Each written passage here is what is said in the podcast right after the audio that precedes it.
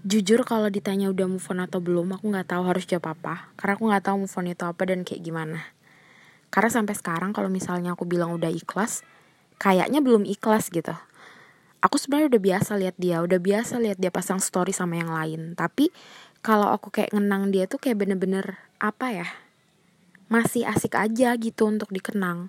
Karena sampai sekarang pun aku masih meletakkan itu di bagian terbaik dalam memori aku. Aku tetap ngejaga itu gimana pun sesakit apa pun dia pernah bahagia sama aku dia pernah ngebahagiain aku juga. Dan gak pernah aku ngerasa menyesal atau nyalakan siapa-siapa dalam kejadian ini. Karena buat aku kita sama-sama mendewasakan gitu. Takdir itu ada untuk mendewasakan aku sama dia. Karena kalau misalnya nggak ada luka aku nggak tahu dan nggak bakal tahu gimana caranya belajar. Makasih